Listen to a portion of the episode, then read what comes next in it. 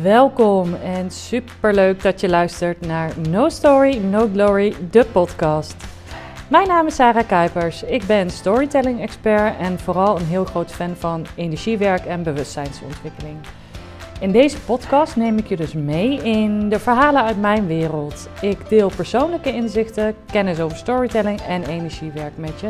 En natuurlijk ga ik ook in gesprek met andere inspirerende mensen. Het is mijn missie om jou te inspireren ook je verhalen te delen vanuit jouw eigen perspectief en eigenheid. Want of je nu ondernemer bent of niet, ik geloof dat het delen van eerlijke verhalen kan helpen om taboes te doorbreken. We kunnen elkaar helpen groeien. Dus ga lekker achterover zitten of vouw ondertussen je wasje op. Geniet van een momentje voor jezelf met inspiratie en eerlijkheid.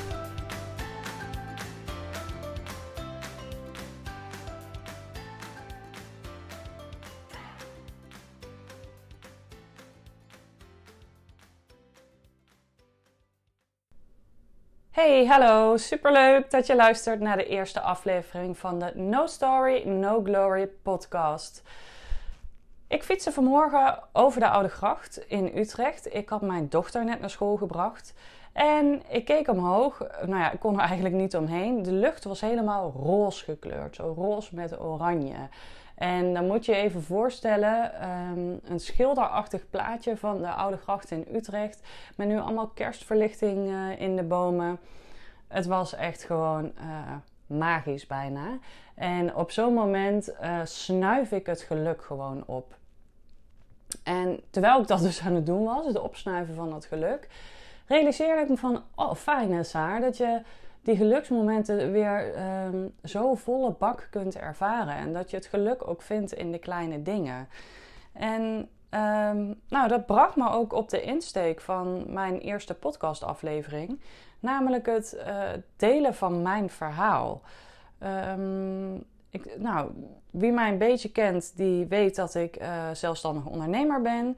Dat ik uh, als storytelling expert ondernemers help met het uh, ontdekken en het vertellen en delen van hun verhaal. En um, ja, dan, dan, dan mag mijn verhaal natuurlijk niet ontbreken. En um, de reden dat ik zo aanraak op, uh, op dat geluksgevoel is, uh, nou ja, omdat dat voor mij heel belangrijk is. Het is namelijk lange tijd zo geweest dat ik niet echt gelukkig was.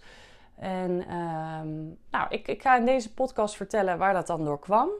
En um, hoe ik, hoe ik ja, op het punt ben gekomen waar ik nu ben. Uh, voor de duidelijkheid, ik ben nu heel gelukkig. ja, dat is heel fijn. Maar goed, dat is niet altijd zo geweest. En dat komt omdat ik um, al vanaf mijn zeventiende kamp met een gegeneraliseerde angststoornis. Uh, kampte, moet ik zeggen, want het is dus niet meer aan de orde. Maar um, ja, vanaf mijn zeventiende heb ik last van angsten. En in mijn geval hangt een gegeneraliseerde angststoornis in dat ik mij uh, fysiek uh, heel bang voel. En dan moet je echt doodsangst voorstellen. Gelukkig maken de meeste mensen niet zo vaak doodsangst mee. Maar echt het gevoel dat je achterna wordt gezeten uh, door een man met een bel of zo. En dat je moet rennen voor je leven. Dat is hoe ik me uh, toen der tijd dagelijks gewoon hele dagen kon voelen.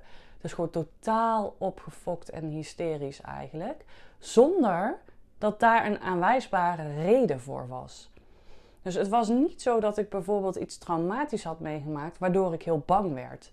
Er was geen aanwijsbare reden. En omdat dat niet te verenigen is, uh, bij mij in ieder geval niet, dat je, je je fysiek zo bang voelt, maar mentaal denkt van, uh, ja, maar weet je, ik heb ze allemaal op een rijtje. Waarvoor ben ik zo bang? Ga je er dingen bij verzinnen? Dus ik ging op een gegeven moment uh, situaties koppelen aan aan angsten. En nou ja, zo, toen kwam ik in een cirkel terecht en die cirkel die kreeg ik niet doorbroken.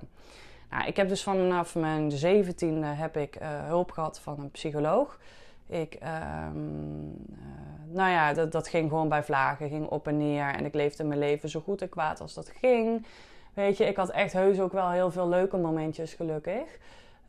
maar ook wel hele diepe dalen. En op mijn 21ste besloot ik om ehm, toch te luisteren naar het advies van mijn toenmalige huisarts en medicijnen te gaan slikken tegen die angsten. Want ehm, nou, na drie jaar uh, een beetje aankloten eigenlijk met therapie had ik wel geleerd om die aanvallen ehm, onder controle te krijgen. Maar het onbestemde gevoel waar ik gewoon drie jaar lang mee opstond, dat ging niet weg. En dat ging dus ook niet weg met die therapie.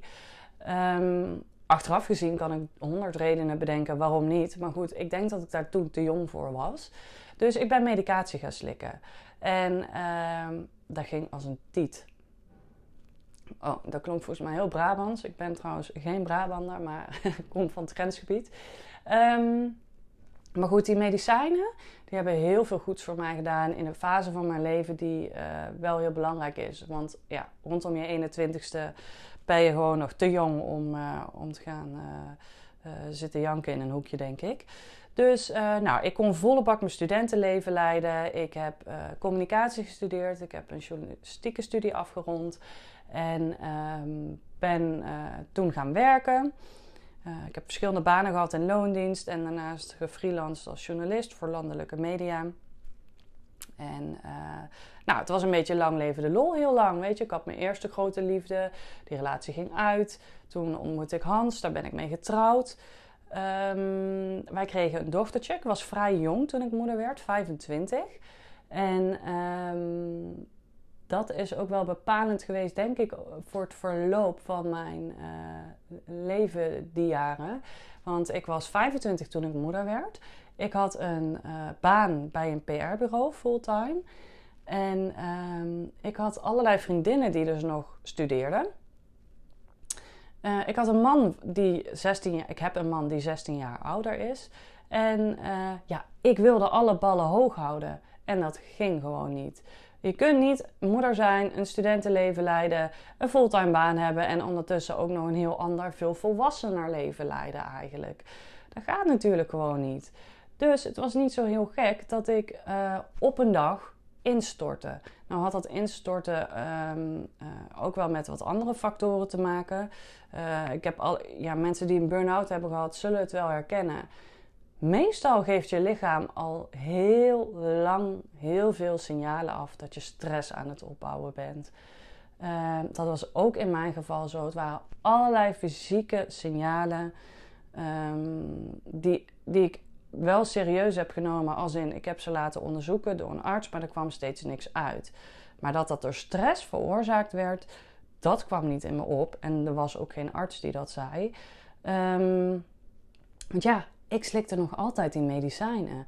En door die medicijnen zou bij mij geen angstaanval meer heen komen. Daar was ik echt heilig van overtuigd. Dus um, ja, samengevat, ik leefde niet bewust. Ik leefde op een heel hoog tempo. En uh, ik raakte gewoon steeds verder van mezelf verwijderd. En daar kwam ik achter um, nou, bij die baan, uh, tijdens die baan bij dat PR-bureau. Daar kwam ik helemaal niet uit de verf in mijn uh, rol als PR-adviseur. Um, ik voelde me heel dom en nutteloos. En ik liep tegen patronen aan die ik in eerdere banen ook wel uh, tegen was gekomen. Dus ik had heel veel moeite met autoriteit en leidinggevende. En uh, ik vond heel vaak dat mij onrecht werd aangedaan. Uh, nou ja, goed. Alles bij elkaar resulteerde dat dus in een dikke burn-out. Nou, zo'n burn-out komt niet van de een op de andere dag, maar zo, voel, zo voelde ik dat toen wel. Dus ik reed naar mijn kantoor in Wageningen s ochtends en uh, ik kreeg een paniekaanval in de auto. En toen dacht ik, wat de fuck? Een paniekaanval, die heb ik, nou, ik, dacht dat ik hem al tien jaar niet meer had gehad. Um, en daar was hij weer, in volle glorie. Ik, mijn hart ging zo enorm tekeer dat ik het buiten mijn lichaam gewoon kon horen kloppen. Uh, ik kreeg sterretjes voor mijn ogen. Ik kreeg onwijs kramp in mijn buik. Ik kreeg helemaal zweten. En ik zat op de snelweg. Ik reed op de A12. En in plaats van met mijn gezonde verstand de auto aan de kant zetten, deed ik iets anders. Ik gaf namelijk plankgas. Ik denk echt zonder overdrijven dat ik met 160 naar Wageningen ben gereden. Om maar zo snel mogelijk stil te kunnen staan. En nou ja, toen ik stil stond, toen ben ik in huilen uitgebarsten om vervolgens niet meer te kunnen stoppen. Ik denk dat ik twee à drie weken fulltime heb gehuild. En naast dat huilen had ik dus weer volle pak paniekaanvallen en angstgevoelens. Ik wist ook meteen, dit is echt. Ik, dit, ik, ben, ik weet niet wat er precies mis is, dat wist ik toen nog niet. Maar dit is echt en hier ben ik niet zomaar van af. Dus ik heb muziek gemeld. Ik ben naar de huisarts gegaan. Die heeft mijn uh, medicatie wat verhoogd. Uh, om die, om die ja, toch de scherpe randjes weer van die nieuwe angsten af te halen. En doorverwezen naar een psycholoog. Nou, um, wat, je op dat, wat ik op dat moment dus heb gedaan is en meteen naar een psycholoog voor EMDR-therapie en cognitieve gedragstherapie. En heel veel rusten. Uh, ik kon niet meer voor mijn eigen kind zorgen. Dat was super pijnlijk. Maar ik, kon niet eens voor mezelf zorgen. Ik was echt één zielig hoopje mens. Dus mijn man heeft me regelmatig naar mijn ouders gebracht in die fase. En dan lag ik weer te huilen bij mijn moeder op schoot. Of ik uh, moest bij mijn moeder bijvoorbeeld in bed slapen. Dan werd mijn vader gedegradeerd naar de logeerkamer. Uh, omdat ik niet alleen durfde te slapen. En um, ja, ik, ik, ik blijf dat. Ik kan er nu wel over praten. Maar altijd als ik erover praat, dan voel ik nog steeds de, de pijn daarop. Het is gewoon echt heel heftig om een burn-out mee te maken. En ik denk dat mensen die dit hebben gehad, dat zeker kunnen beamen. Maar dat de mensen die het nog niet hebben gehad, of nog niet die dat niet hebben gehad, um, uh, hoe hard ze ook hun best doen, het niet kunnen voorstellen. Dat zei een vriendin van mij laatst ook letterlijk van wow, ik, die zit nu in een burn-out en die zei, ik, dit had ik me niet voor kunnen stellen. Je batterij staat gewoon zwaar in de min. Nou, het was wel tijdens die burn-out dat ik de kans kreeg om mezelf dus eens helemaal binnenste buiten te keren.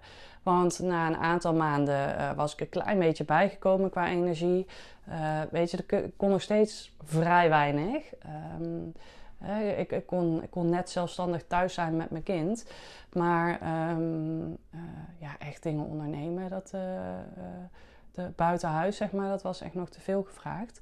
Maar mijn contract werd niet verlengd um, bij het PR-bureau. En dat was heel slecht voor mijn ego. Maar achteraf gezien een groot cadeau. Want dat gaf mij de kans om echt aan mijn herstel te werken. Om daar heel bewust mee aan de slag te gaan en de tijd te nemen. Want wat ik vaak nog uh, hoor van mensen die overspannen zijn of een burn-out hebben of een depressie, is toch weer ja, dat ze zo snel mogelijk, daar werkt een arbeidsarts natuurlijk uh, ook in mee en bedrijven, werkgevers, hè, toch zo snel mogelijk weer in het normale ritme, omdat dat zo goed zou zijn. Maar de vraag is of dat wel zo goed is, want je bent niet voor niks op dat punt gekomen, denk ik. Um, en ik denk ook niet dat je ooit nog te ouder wordt als je zoiets eenmaal hebt meegemaakt. Dus misschien moet je wel helemaal niet in dat oude ritme terug willen. Maar goed, dat is even een ander stuk. Ik ben um, voor de uitdaging komen te staan om de verbinding met mezelf weer te vinden. En uh, te ontdekken wie ik ook alweer ben ten diepste. Wie eigenlijk dat kleine meisje in mij is, die altijd zo vrolijk was, die hield van toneelstukjes, die altijd gedichtjes schreef. Waar was die gebleven?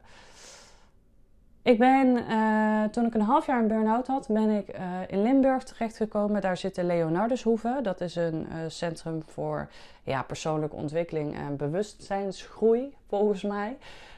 Um, ik noem het gewoon een spiritueel klooster. En ik heb daar een energieweek gedaan.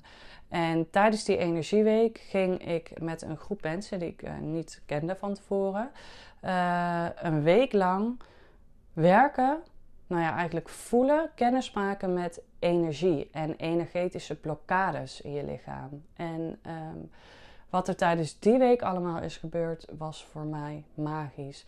Daar kwamen de gevoelens los die ik zo vast had gezet in mijn lijf dat ik niet wist dat ze er zaten. Ik voelde al die jaren al, dat was in het begin al zo. En de reden dat ik die medicijnen ben gaan slikken van hé, hey, er zit iets in mij. Het zit nou, alsof het in mijn tenen zit en het er maar niet uit wil komen. Er is iets wat mij dwars zit, maar ik weet niet wat. Ik weet gewoon niet wat en ik kan er niet bij komen. Nou, ik heb daar geleerd, dat zijn dus blokkades. Energetische blokkades. En uh, tijdens die uh, energieweek heb ik uh, nou, de eerste blokkades los kunnen laten. En daarnaast kennis gemaakt dus met het voelen van energie. Ehm, en het is grappig dat heel veel uh, uh, mensen in mijn omgeving zeiden van ja, ik geloof daar allemaal niet in. En uh, nou, dat kan ik heel makkelijk tackelen door te zeggen, je hoeft het niet te geloven. Energie is echt een kwestie van voelen. En als jij ervoor open staat, dan kun je het voelen. Um, Tijdens die energieweek heb ik dus ook geleerd over mijn chakra's. En nou ja, ontzettend veel getransformeerd al. Ik kwam letterlijk een paar kilo lichter terug en figuurlijk nou wel 20 kilo lichter. Dat heeft echt uh, mijn leven, de verandering ingezet die ik nodig had. Dus ik ben daar heel dankbaar voor dat ik daar naartoe ben gegaan. Um, in het jaar dat daarop volgde, uh, was er natuurlijk nog steeds heel veel werk aan de winkel. Ik heb uh, een psychotherapeut gezocht um, die mij kon helpen met struggles in het dagelijks leven. Uh, heel, van heel praktische aard. En ik ben me verder gaan verdiepen in energiewerk om de verbinding met mezelf weer helemaal terug te vinden en mijn intuïtie beter te leren kennen. En um, ik heb een, een, jaar lang een training gevolgd toen bij, uh, bij de Leonardushoeve. En die training stond helemaal in het teken eigenlijk van patronen herkennen en loslaten. Overtuigingen loslaten en nou ja, energetisch transformeren. En toen ik dat had gedaan, wist ik, ja, ik, ik ben er weer klaar voor. Ik wil weer gaan werken. maar hoe? Dat was het volgende vraagstuk. Want nou ja, ik, ik ben echt een, een communicatiedier in die zin dat ik dus echt super goed ga op verhalen. Altijd al, als kind al, uh, deed ik allerlei dingen. Hè, van het schrijven van verhalen en gedichten tot het uitbeelden van toneelstukjes, dansen. Um, en ik, ik ben ook echt nieuwsgierig tot op het bot. Dus dat is iets wat heel sterk in mij zit. Omdat ik daar echt van geniet. En ik geniet er ook van uh, als andere mensen daarvan genieten. Dus ik wist wel van, nou, ik zit ongeveer in de juiste richting wel met wat ik doe. Maar hoe ga ik dat vormgeven? Hoe kan ik, als ik, nou, wat was het, volgens mij anderhalf jaar niet heb gewerkt, opnieuw aan een baan beginnen?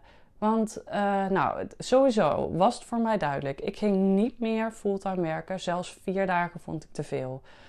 Ik had uh, uh, gelukkig weer helemaal de energie om voor mijn kind te zorgen. En daar genoot ik van. En ik wilde gewoon zeker twee dagen per week voor haar kunnen zorgen. Los van het weekend dan, hè? Dus zeg maar vijf dagen per week. Nee, vier. um, en drie dagen werken. Dus ik zocht een baan voor 24 uur per week. Maar ik wist ook, ja, ik moet dat weer gaan opbouwen. Ik kan nu, ik heb nog niet de energie om in één keer 24 uur te gaan werken. Ik ben getrouwd met een ondernemer uh, en ik dacht, ik, ik ga gewoon voor mezelf beginnen. Er kwamen wat opties voorbij voor opdrachten waarvan ik dacht van, oh, ah, weet je, dat kan ik. Waren journalistieke klussen. Uh, ga ik gewoon doen. Uh, no pressure, geen dagen eraan koppelen qua hoeveelheid werk. Ik ga gewoon eens beginnen met freelancen. En zo ben ik dat op gaan bouwen. Ik heb me in januari 2018 ingeschreven bij de Kamer voor Koophandel. En inmiddels zijn we drie jaar verder. En ja, ik ben zo gegroeid. Die drie jaar als ondernemer zijn ook weer een enorme reis geweest. Ik zie het een beetje zo dat ik eerst mijn um, persoonlijke stuk uh, heb opgepakt. En dat vervolgens ben gaan integreren in mijn werkende leven. Want um, nou ja, op een gegeven moment ben ik, uh, kon ik meer, meer aan. En vond ik een opdrachtgever die, die mij werk kon geven voor 24 uur per week. Um, misschien kennen jullie haar wel, dat is Suzanne van Duin van Vrije Meid. Dus ik heb, ik heb een tijdje voor haar gewerkt. En ja, dat was super tof. We deden veel PR-werk en um, dat voelde goed. Ik voelde me zo goed dat ik ook weer een tweede kindje aandurfde. Dus ik ben opnieuw zwanger geraakt. En nou, alles ging me voor de wind. Die zwangerschap was vrij pittig. En tijdens die zwangerschap realiseerde ik me ook van... hey, uh, ik, ik heb weer even een verkeerde afslag genomen. Ik was inmiddels zo uh, intuïtief ontwikkeld... dat ik heel goed voel aan mijn lichaam... en aan de signalen die ik ja, krijg van het universum... Um, dat ik soms niet het juiste pad volg. Dus ik wist, oké, dit, dit was een hele mooie fase, uh, deze opdracht. Maar uh, ik moet me weer gaan focussen. Ik wil me weer gaan focussen op het schrijfwerk. Dus toen heb ik besloten om helemaal met PR, communicatie en marketing te stoppen. En me fulltime te gaan richten op het schrijven. Nou, ondertussen is mijn zoontje geboren en ehm, nou ja, gaat alles heel goed. Ik ben een opleiding begonnen in Amersfoort. Uh, dat is een opleiding tot lightworker. En dat betekent dat ik, uh, als ik deze vier jaar heb afgerond, andere mensen uh, kan helpen door um, energieën te lezen, te healen en nou, te transformeren. Ik weet helemaal niet of ik dat wil doen. Dat is niet mijn doel. Maar ik weet wel dat dat energiewerk voor mij de manier is om te leven vanuit mijn essentie. En dat dat ook iets is wat ik heel graag wil overbrengen aan andere mensen. Ik heb uh, na de bevalling van mijn zoontje, toen ik weer aan het werk ging, uh, nou echt al super veel leuke opdrachten gehad. Ik heb toen ook besloten, ik ga stoppen met het uurtje factuurtje model omdat ik wil, uh, ik wil niet meer freelancen en in die zin toch steeds een bepaalde afhankelijkheid hebben. Ik wil de touwtjes echt zelf in handen hebben, want ik wil vrijheid. Uh, dat was voor mij de reden om te beginnen met ondernemen. Dat ik in alle vrijheid mezelf kon uh, ontwikkelen en weer kon bouwen en groeien. En um, nou ja, daar ben ik eventjes een beetje van afgeweken. Toen voelde ik die vrijheid niet meer in het ondernemerschap en die heb ik teruggebracht. Dus um, ik ben een coachingstraject gaan doen. En um, ik, ben, ik heb al mijn vaste opdrachtgevers opgezegd. En nu werk ik alleen nog maar voor ondernemers. En ik help ze dus met het ontdekken en vertellen van hun verhaal vanuit hun essentie. En uh, nou, dit verhaal maakt hopelijk duidelijk waarom dat stukje essentie dus zo belangrijk is volgens mij. Want ik geloof echt dat je het beste functioneert als jij in lijn bent met uh, jouw kern. Um, en als je luistert naar jouw intuïtie, als je jouw pad volgt. En um, als je dat doet en dat ook kunt delen, dan um, ben je zelf, denk ik, veel uh, gelukkiger. Want dan gaat het leven toch wat moeitelozer, omdat je doet wat hoort. Uh, voor jou. En daarnaast geloof ik dat je dus ook de mensen aantrekt die daarop aanhaken. Dat is ook een beetje de wet van aantrekkingskracht. Je straalt een bepaalde energie uit. En mensen bij wie die energie resoneert, uh, die haken op jou aan. Dus daarom is het voor mij zo belangrijk om te werken vanuit je essentie. Dat gezegd hebbende, kijk ik nu op mijn timer en zie ik dat ik op bijna 22 minuten zit, wat echt meer dan genoeg is voor de allereerste podcast. Um, ik vertel dit verhaal even uit mijn blote hoofd. Dus, um, nou ja, misschien klinkt het nog niet helemaal logisch. Het is waarschijnlijk verre van perfect. De volgende podcast die gaan ook zeker uh, wat meer gestructureerd zijn. Want ik, ga, ik heb een aantal leuke onderwerpen al um, op een rijtje die ik ga delen. Onder andere over energiewerk en uh, gronding en aura's. Maar, uh, en intuïtieve ontwikkeling. Maar ook zeker over storytelling. En um, ik ga andere ondernemers interviewen. Uh, nou, ik heb eigenlijk al een heel lijstje staan. Dus ik zou zeggen, als je benieuwd bent, blijf me dan vooral volgen. En vond je dit een leuke podcast? Deel het even op je Insta en geef het een like, want dat schijnt te helpen. Dankjewel voor het luisteren en een hele mooie dag nog.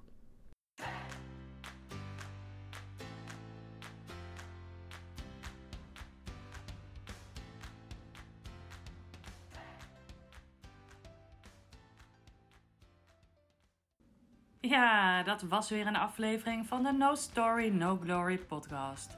Heb ik jou geïnspireerd? Of heb je nog een vraag? Laat het me weten. Vergeet mij niet te taggen Sarah Kuipers op Instagram. En abonneer je vooral op de podcast. Dankjewel voor het luisteren.